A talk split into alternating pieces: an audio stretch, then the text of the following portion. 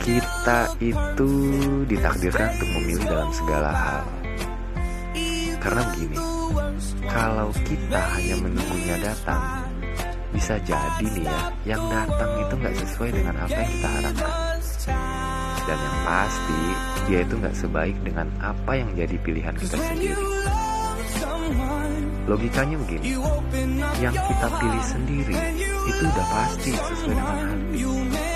Dan hati itu selalu tahu apa yang kita butuhkan, akhirnya membuat semuanya berjalan dengan apa yang kita yakini. Jadi kesimpulannya, yang datang dengan yang kita pilih sendiri itu sangat berbeda keadaannya.